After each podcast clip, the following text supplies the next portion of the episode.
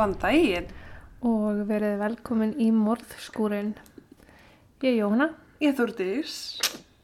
myndum eftir að kynna okkur núna og það er ekki nokkuð skapa hlutur að frétta Nei. þannig ég ætla bara að vinda mér beint í þetta. Já, byrjum bara. Um, ég er að byrja á málunni eða í miðjunni. Ok. Þannig að sunnudaginn 4. ágúst árið 2002 fekk Laura, Laura, Laura Andrews símtal frá manni sem dótturinnar Michelle Whittaker, Whittaker hafði eitt miklum tíma með. Maðurinn sagðist ekkert hafa hýrt í Michelle í eitthvað tíma og hann næði ekkert á hana og væri komið áhugjur. Laura hafði sjálf ekki hýrt í dóttur sinni í þrjá daga og fekk því áhugjur sjálf og tók þessi símtal við mannin alvarlega frá fyrstu stundu. En Michelle var 32 ára gömul, hún var dóttir Láru og Chuck. Shelly eins og hún var alltaf kölluð hafði alltaf tíð verið lífsglöð, mikið fjör á henni og hrókur alls fagnar. Hún var uppáhaldsfrænga, sískinabarna sinna, vina mörg og vinsæl en það átti eftir að breytast ansi fljótt. Hún var ung þegar hún gifti sig, rétt skrifun í high school og það var svolítið byrjunin á kabla í hennar lífi sem kom til með að vera bara mjög slæmur. Ok. Strákurinn sem hún giftist var vondviðan til að byrja með. Þau voru kóru með aldurni vit til að geta tekist á það alls konar vandamál sem þau urðið fyrir og hún var ung farin að leita mikið áfengi. Hún tóldi illa í vinnum, allstæði sem hún vann mætti hún mjög illa og fljótt eftir hún byrjaði að starfa voru peningar farnar að hverfa og hún var komin ljótt orðspara á sig mjög ung. Fyrir þrítögt var hún þrýgift og þrý skilin. Hún stríti við alkoholisma og var svolítið búin að íta öllum frá sig bara. Fóruldrennar voru þá alltaf tilbúin að taka við henn aftur og var hann því svolítið inn út af þeirri heimili í gegnum þessu tíma. Ok.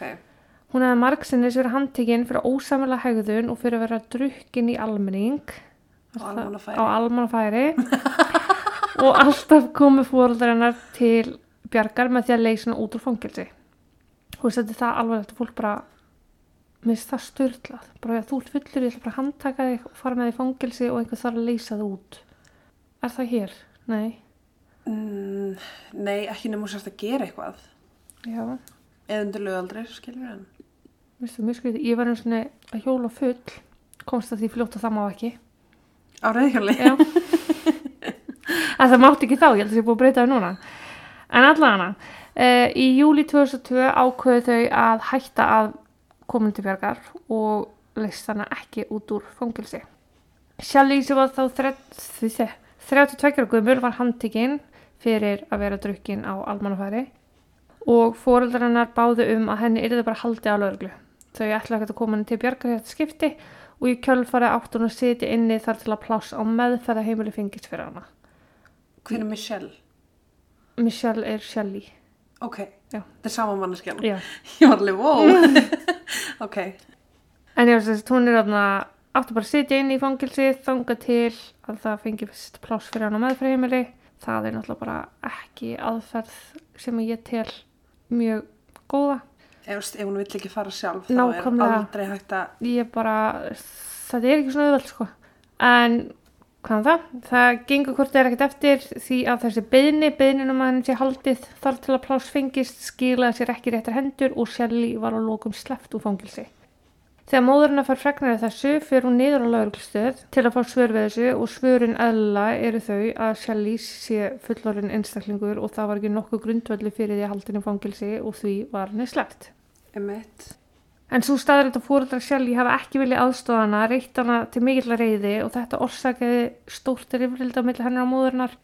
Úr verður eiginlega samband verður mjög svona slitrótt á milli þeirra mægna og fram að símtalinu sem að mammuna fekk um að hún verið týnd.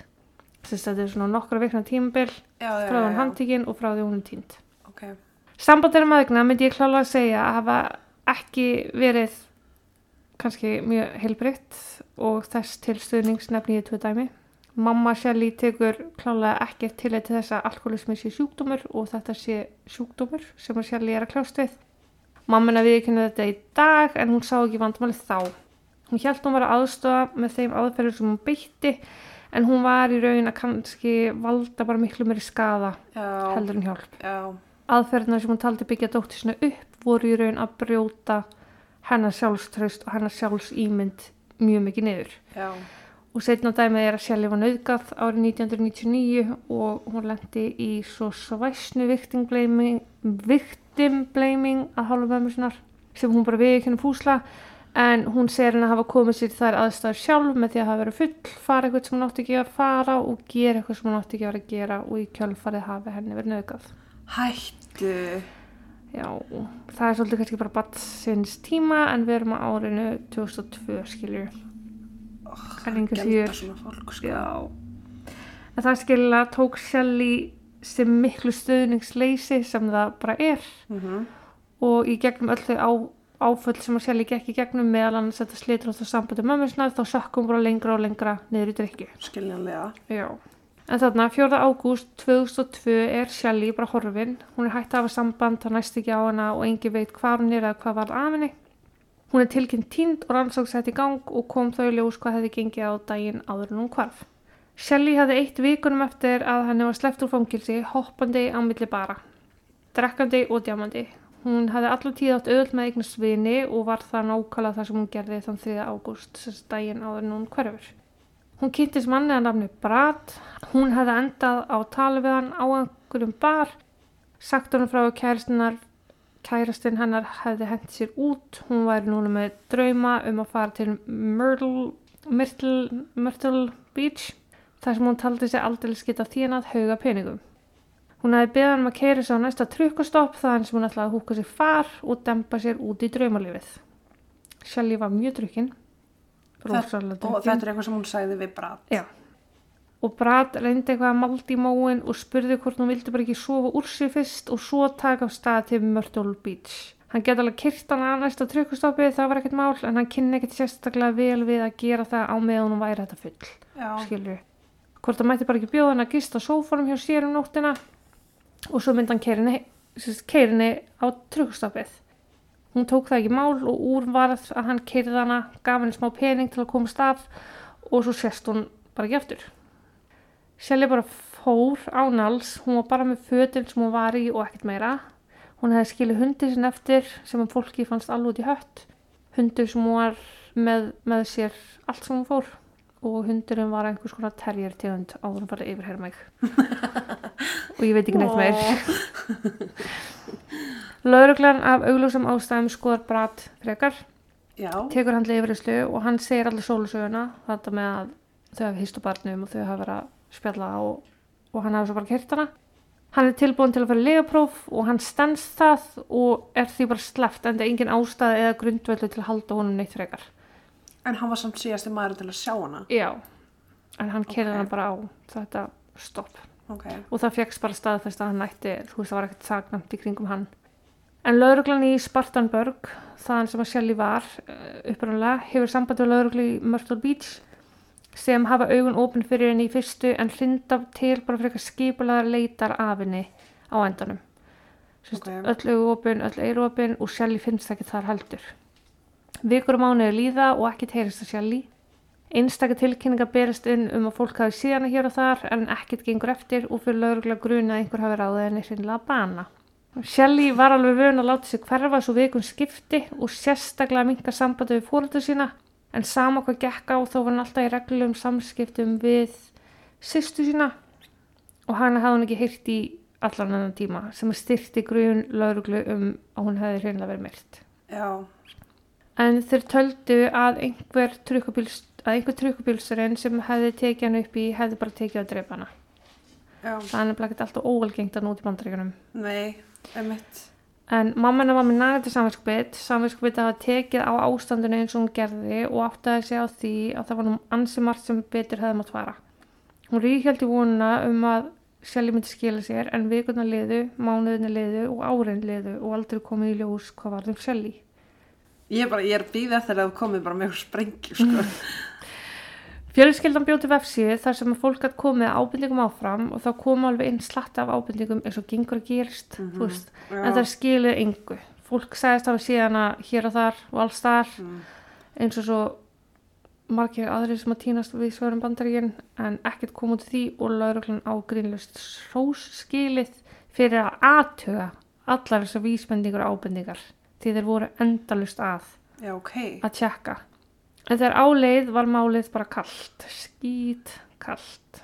En svo betur fyrir þá uh, taka lauruglumann reglulega sér til og fara reglulega yfir köldmál til að aðtökurt að einhvað leysist, hvort sér nýjar vísbendingar eða eitthvað slíkt. Og það var það sem við gerðu árið 2005 eða þremar árum eftir að Shelly hvarf. Lauruglan ákvaða að fara að tryggastoppinu þaðan sem að Shelly hefði horfið og spyrjast fyrir, bara aftur. Við vorum náttúrulega búin að gera það allt saman. Já, Þeir dreifðu dreifumöðum og töluðu við fólk á staðnum. Þeir fengu fréttameðla til að fjalla um málið að það hafði skila árangri í öðrum málum. Sérst að kalla á fréttameðlana, já, taka já, við já. töl, byrta í sjórfinu uh, og þeir hafði séð það að með aðkomi fréttameðla komu yfirleitt inn nýjar vísbendingar. Og það var nákvæmlega það sem að geta þeist. En í ágúst 2005 bast lauruglunu bref, nafnlaust, handskrifa bref og í því stóð að viðkomandi vissi hvar lík Shelly var niður komið.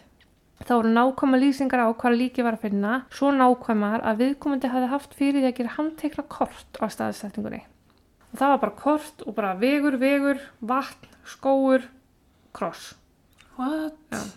sem er frekar spes. Já.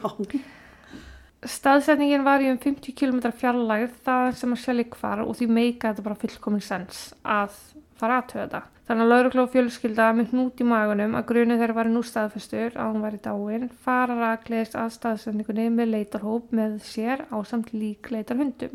Og það var leitað og leitað og leitað. Hundarnir fundu ekki eina einustu lykt. Það var ekkit sem að benti til að hrætt hefði verið í nefnum jarðvegi námynda við þessa uppgefnu staðsendingu og bara ekkit sem að benti til þess að lík Shelly eða einhvers annars hefði nokkuð um verið á svæðinu. Ok, þannig að þetta var bara bull. Já. Brefið var fært til rannsóknar og þar komu ljós út frá lífsínum að hvern maður hefði skrifað brefið en það fegst aldrei staðfest hvaða hvern maður hefði skrifað brefið. Veist, það var bara ekki í gagnagrunum lögreglunar og það bara fegst ekki staðfest. Fólk er svo perrandi. Já, mér fannst það líka þanga til að kenning lauruglunar með Garðarsens. En fjölskylda Shelly var alveg brjálið yfir þessu, bara hvernig dettur í hug að senda fólk hlaupandi eftir yngu og láta þau upplöða þessa lífsreynslu að halda að dóttir var dáin og grafin í ykkur skólefdi. En lauruglan var samt á því að þeir töldu að um var að ræða einhvern miðil og þetta hafi verið gert í góðu. Sérst að hafi sér fyrir, séð fyrir sér að þetta væri hún og hún væri grafin þarna. Þú veist, þannig að hugsunin á baku þetta var klálega vonandi góð. Ó, við sáum það í svo mörgum málum, sko. Já, það er oft svona miðlar að ringa inn með eitthvað tips og, og senda tölvupósta og eitthvað. En maður þarf að stíða svolítið valega til að gjörðu með þetta að því maður veit ekkert hvernig fólk tekur í þetta. Nei, Þú veist, það, þú veist, það er eins og maður sem er með eitthvað heimasíð og hann er að setja myndirnar sem hann teiknar Já, inn á síðuna fyrir hvert mál fyrir sig. Úff. Og í flestum tilfellum er þetta mál sem eru, þú veist, óleist. já, Og svo hefur líka komið fyrir, ég mann, hann teiknaði til dæmis með Natalie Bollinger. aha, Já, og einhver fleiri mál. Og þú veist, þetta var allt eitthvað svona, allt sem hann teiknaði var eitthvað sem að meika alveg sens og var þetta að tengja við. já, En þetta var eitthvað svona, þú veist, kassi var mjög rúmur, já, já, Þú veist, þetta var eitthvað svona, uh, eitthvað sem er þetta að tengja við alla á einhvern hátt. Já. Þetta er nefnilega, já, fólk hefur mjög mismöndi skoðan en ég vil alveg að mista hversu trúa því að fólk meina vel, það vil raunverulega hjálpa, sko. Já. En ekki leiða löngu þar til búið var að mögulega tengja hvarf Shelly við morðmál annars vegar og mannskvarf hins vegar. Þetta er svolítið flókið. Shelly hafði verið að vinna á Waffle House um það leiti sem hún hvarf. Og fimm vikum eftir að Shelly hvarf, hvarf samstarfskona hennar, Heather. Þetta er Shelly og Heather sem að vinna saman. Já. Heather hefur aldrei fyndist. Bara, hún hvarf, hún hefur aldrei fyndist. Uh, Heather var einu svona trúlóðu manni að nafni Jonathan Wick. Ég veit ekki hvort þú kannast það nafnið. En stuttu áður en Shelly hvarf hafði hún sérst á deiti innan gæsalappa, það var eitthvað svona slúður með þessu manni á veitingstað en hann var trúlóður Heather. Jonathan var fyrir það fyrsta trukkubilstjóri og átti samkvæmt stelpum sem hann hefði verið að deyta, verið stjórnsamur, vondur, mjög vondur og það kom aldrei ljós að það veri rétt. En í oktober 2008, þarna þegar þessi tenging er að koma í ljós var Jonathan handtekinn fyrir morðið á Dana Satterfield. Hanna hefði hann nöðgað og drefið árið 1995 og komist upp með að þanga til þarna. Sett, það kemur ljós að það finnst yfirgjum bíl og það er blóð og hár úr þessi Dana sem er Dana 95. Bílinn er á nafni þessa Jonathans. Já, ok. Shelly er horfin, hún sást einhvern tíman áður en hún hvarf með þessum Jonathan. Þannig að 2002. Já, og hérna fimm vikum eftir hún hvarf þá hverfur Heather sem var trúlofið Jonathan. Og Jonathan var yfirheyrður út af Heather málunu en engin ástæði þess að handtaka hana eða neitt svo leiðis þannig að hún var bara sleppt. Svo líða þrjú ár. Já, og þá kemur þetta ljós með þessa Deinu Deina sem, var, sem að er myrt 1995 og þá er hann sagt, Já, já, já. Það var Þannig- hann. þá er hann tekinn og bendlaði við Heather og Shelley Já, já, já, já. Þannig að Jonathan er yfirheyrðu varðandi hvarf þeirra begja, Shelley og Heather og við innblýnum bara hvarfan Shelley í dag. En hann neytar alfarið að það eigi einhvað tengt um málu tvö hvort er og til að gera langa sögu stutta þá bara enda það svo leiðis.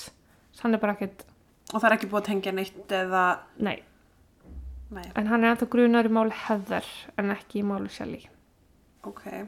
Árin haldi áfram að líða, fóreldrar Shelley flytja með trega en þau voru ju alltaf að vona að Shelley myndi bara banka upp á heima aftur. Æ, og vildi því vera sem lengst á bara sínu heimili. Uh, þau flytja þó en skipta ekki um símanúmer til öryggis ef að Shelly skildi einhvern tímann hafa samband og þetta er öruglega bara nákvæmlega það sem maður myndi gera sjálfur. já, Þú veist, rík halda í vonunum að ástöðunum hans byrtist aftur eða ringir óvænt já. eða hvað sem er. En árið 2007 voru fimm ára liðin frá því að Shelly hvarf og svo gott sem öll von úti um hún var á lífi. Fjölskyldan ráðfæri sig við lauruglu og spurði bara, ok, hvað haldið þið að staðan sé? Þú veist, er hún á lífi? Megu við halda í einhverju vonum hún sé á lífi eða eigum við bara að gera ráð fyrir hún sé að látin? Já, Lauruglun hefði svarað um þannig að það mætti alltaf halda í von en allt benti til þess að hún væri látin. já, Og Shelly hefði átt þannig sögu að þeir töldu afar ólíklegt að hún væri til friðis í öll þessi ár. Sérst hreinlega að það væri ekki sjans að lauruglan var ekki búin að hafa negin afskipti af henni í Já, fimm ár já, ef já. hún væri ánþá á lífi. hún væri alltaf búin að koma bara yfir bara hjá lögreglu. Já, þeir voru alltaf að hafa samband við nærleikandi ríki. Þau Já. voru í Norður Karolínu til þess að aðtöku hvort hún hefði verið handtíkin eða einhver svo leis og það var aldrei neitt að koma upp. Nei, Og fjölskyldan var bara sammála þessu, skildu svörum vel og ákvæði kjölfæra að halda minningratöfn um Shelly. Ekki þeirra hefði byrjað neitt almennlegt sorgaferðli frá því að Shelly hvarf, allir heldur náttúrulega vonuna hana, en þarna voru þau öll að komast í sátt við þá staðarind að Shelly sæði þau líklegast aldrei aftur. að hún væri látin. Já. Mammina sagðist að vera eins undirbúin og geti mögulega verið undir það að fá fregnir um að lík hennar myndi finnast og að hún heldur samt í vonuna að hún myndi fá að vita hver afdrifan væru en hún huggar sig við það að þær myndi hittast í himnaríkja á endanum. Árið viðbútt líður og mál Shelley er eins kalt og hugsa skittur. Rannsóknumadurinn William, ég kunni ekki bera fram eftirnafna hans þannig ég sleppti í, var þarna komið puttan í málið og vann að því eins og hann myndi vinna að morðmálum. Já, það bara búið að breyta rannsókninni. já, en það leiti ekkert annað út fyrir en að Shelley hefði verið myrt. Hann var miklu meira svart sín að máli fengið, fengið sleist enda orðið tæpla 6 ára gamalt með yngum nýjum vísbendingum og hinga til bara vísbendingu sem að leiti ekki neitt, gerði ekki neitt fyrir málið. Nei, 4. ágúst 2008, sex sléttum árum eftir að Shelley hvarf, fær William símtal. Á línunni var kona sem vissi ekki alveg hvernig hún ætti að koma orðum sínum frá sér en hún var ansi vissum að hún vissi hver Shelley væri. William alveg vissum að þetta væri bara eitthvað bull eins og allar hérna ábyrningarnar hlustar á hana samt. Konan segist búið í Oregon, hún hafi verið að horfa sjóustátt um Jonathan Wick og í kjölfari fara að googla og rekist á michellewhitaker.com og sé þar myndir og upplýsingar um konu og hún sé bara nokkuð vissum að þessi kona sem líst sér eftir búi í Oregon og að hún sé bara nágrannir hannar í þokkabót. what? William tekur þessu með eins miklu fyrirvara og mögulegt er enda máli unni sem morðmál og öll von, öll von úti um að Shelley sé á lífi. Hann byrjar hann um að senda sér einhvers konar gögn sem að staðfesta þetta, til dæmis mynd af þessari konu. Hann fær myndina og ber þetta undir lauruglumannin í heimabæ Shelley, sá sem að var með rannsóknin í gangi Já. hann Allan sem spyr hann reynd út hvaðan í anskotunum fjagst þessu mynd. William segir hann frá því að hann hafi fengið þessa mynd rétt í þessu bara og konan sem að senda hana segist halda að um sig að ræða Shelley. Allan hjælt það nú og segi já, hún er kannski aðeins þingri en þetta er klálega Michelle Whittaker. Lörglan fór beinslega heim til þessar konu sem um var að ræða sem hétt Emmett Michelle og með trega samþykir hún að gefa fingrafur til að bera saman við fingrafur Shelley. Fljótlega eftir ringdi Allan í Lóru, mömmu Shelley og sagði stutt hún hitt með að We found her, she's alive. Hæ? Hæ? Þetta ekki að djóka? Nei. Þannig að núna eru við grínlegs með þessa aðstæður að fólk má láta sig hverfa án allra spurninga, án allra útskýringa. Þannig að lauruglan mátti ekki segja neitt meira við fjölskyldu Shelley annað en hún væri, á fun- hún væri fundin og hún væri á lífi. Þau gátt ekki sagt hvað hún hefði fundist, í hvað ásögumulagi hún væri, þeir mátti ekkert annað segja en hún væri á lífi, skilju. Oh my god. Þeir þurfti að virða engalíf Shelley en, en þeir hvetja hana samt til þess að hafa samband við fjölskyldunum sína en að hafa þau lifa sínu lífi síðustu sex árin haldandi og dóttera og sýstir sér látin. Já. Daginn eftir hringir Shelley í mömmu sína og það náðust að mynda vel og ég grænja þessu smábarn að horfa það. En hennar svarar símanum þegar hann hringir, segir Shelley, ert þetta þú? Byðar hann um að býða augnablík því hún bara brotna niður og fer svo að segja henni að þó að síðustu samskipti er að hafi, hafi enda illa þá verður það bara búið að gert. Hún var búin að eyða hverjum einasta degi síðustu sex ári að leita henni. Hún og sýstir Shelley voru búin að leita og leita fara á fleiri fleiri staði og gert allt í sinu valdi til að finna hana aftur. Hún sakna hennar og elski. Tveim viku síðan skilaði Shelley sér í fangumömmu sinnar. Lora mamma hennar grét og grét og það fyrsta sem Shelley sagði var hætt að gráta mamma, þú læti mjög fara að gráta. Oh, ég. En Brad hefði þá kyrt henni á trukkustoppið þaðan sem hún komst til Indiana. Frá Indiana fór hún til Virginíu og þaðan til Florida og endaði svo í Reno þar sem hún kynntist manni sem hún kom til með að vera með í fimm ár og var ennþá með. Hún hefði eitt síðust árum vinnandi sem barnapíu fyrir fjölskyldu sem að tóka sér fóstaböll á stórum bóndabæi Oregon. Að öllu jöfnu voru sjö börn í hennar umsjá og segist hún ekki hafa gert þetta fyrir peninga heldur fyrir ánægjuna sem það gaf henni. Fjölskylda hennar var henni ekki reið þau reynda til fremsta megna að skilja hennar aðstöðu sínum tíma. Hún var alltaf drekkandi að eiga við erfiðan fíknisjúkdóm, svaf í bílum, stál til að geta borðað og átti bara virkilega erfitt. Og fjölskyldan hennar og sérstaklega mamma hennar uh, hefði alveg leift hennar að finna fyrir því að hún væri einhvers konar byrði á fjölskyldana. Já. Mamma hennar hefði gengið svo langt að segja að best væri fyrir ef hún myndi bara láta sig hverfa. Æ. Og það var nákvæmlega það sem hún gerði og meðan Shelley var einhvers þar flakki um bandaríkinn haldand á fjölskyldu sín var alveg sama hún hefði látið sig hverfa var fjölskyldun hennar ekki að tengja að þau hefði rækja hann brott og voru að gera allt sem að þau gáti til að finna hann aftur. Haldand hún var í dáin og farin til lí- líkleitir og hvaðina. En Shelley var bara bókstál taka sér saman í andlutinu rétt saf og komið sér rétt að braut grunleis um að gengi var út frá því að hún var dáin. Eftir að hún skilaði sig heim þurfti hún auðvitað að gera upp hellingu hlutum við fjölskylduna og sömulegst þau við hana en í dag eru bara allir glæðar á hana þér. What? Sko, ég dætt inn á þetta því að í svo mörgum málum sem hefur verið að fjallum og þá er það þetta að fólk á réttinu á að hverfa og þess að sé ekki leita þeim strax. Já. Og maður langar svo að sjá bara, ok, eru ykkur mál þar sem að fólk hefur látið sig hverfa því það langar að hverfa og þú veist, þendaði vel, skilur Mm Og þetta er bara borðulegjandi svoleiðis mál. Já.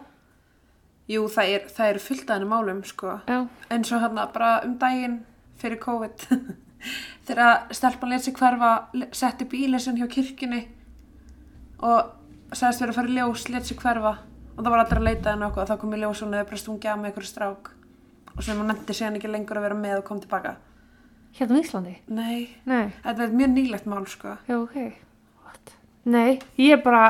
Hún En eins og þetta, það, hvern, hvernig er ekki, hvernig fréttir hún þetta ekki? Hvernig veit hún ekki að fólk sé að leita af sér í sex ár?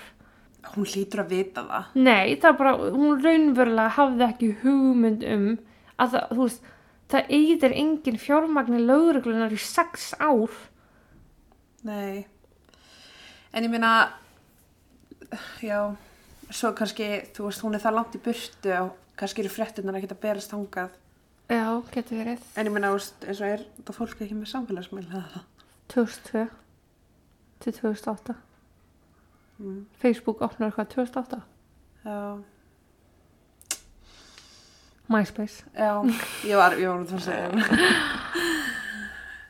en mér fannst þetta alveg styrlað og ég er búin að taka svo þung mál upp síðast ég var að taka eitt svona. Frábært að ég þarf sé með eitt mjög þungt. Já, það er ágætt. Já, þetta var svolítið á það. Stutt og laggott ha? Stutt og lega gott, það er rétt Það þarf líka að vera svo leið stundum. Já. Herjá, ég hafa þannig. Ok, Já, takk og bless. Takk og blæður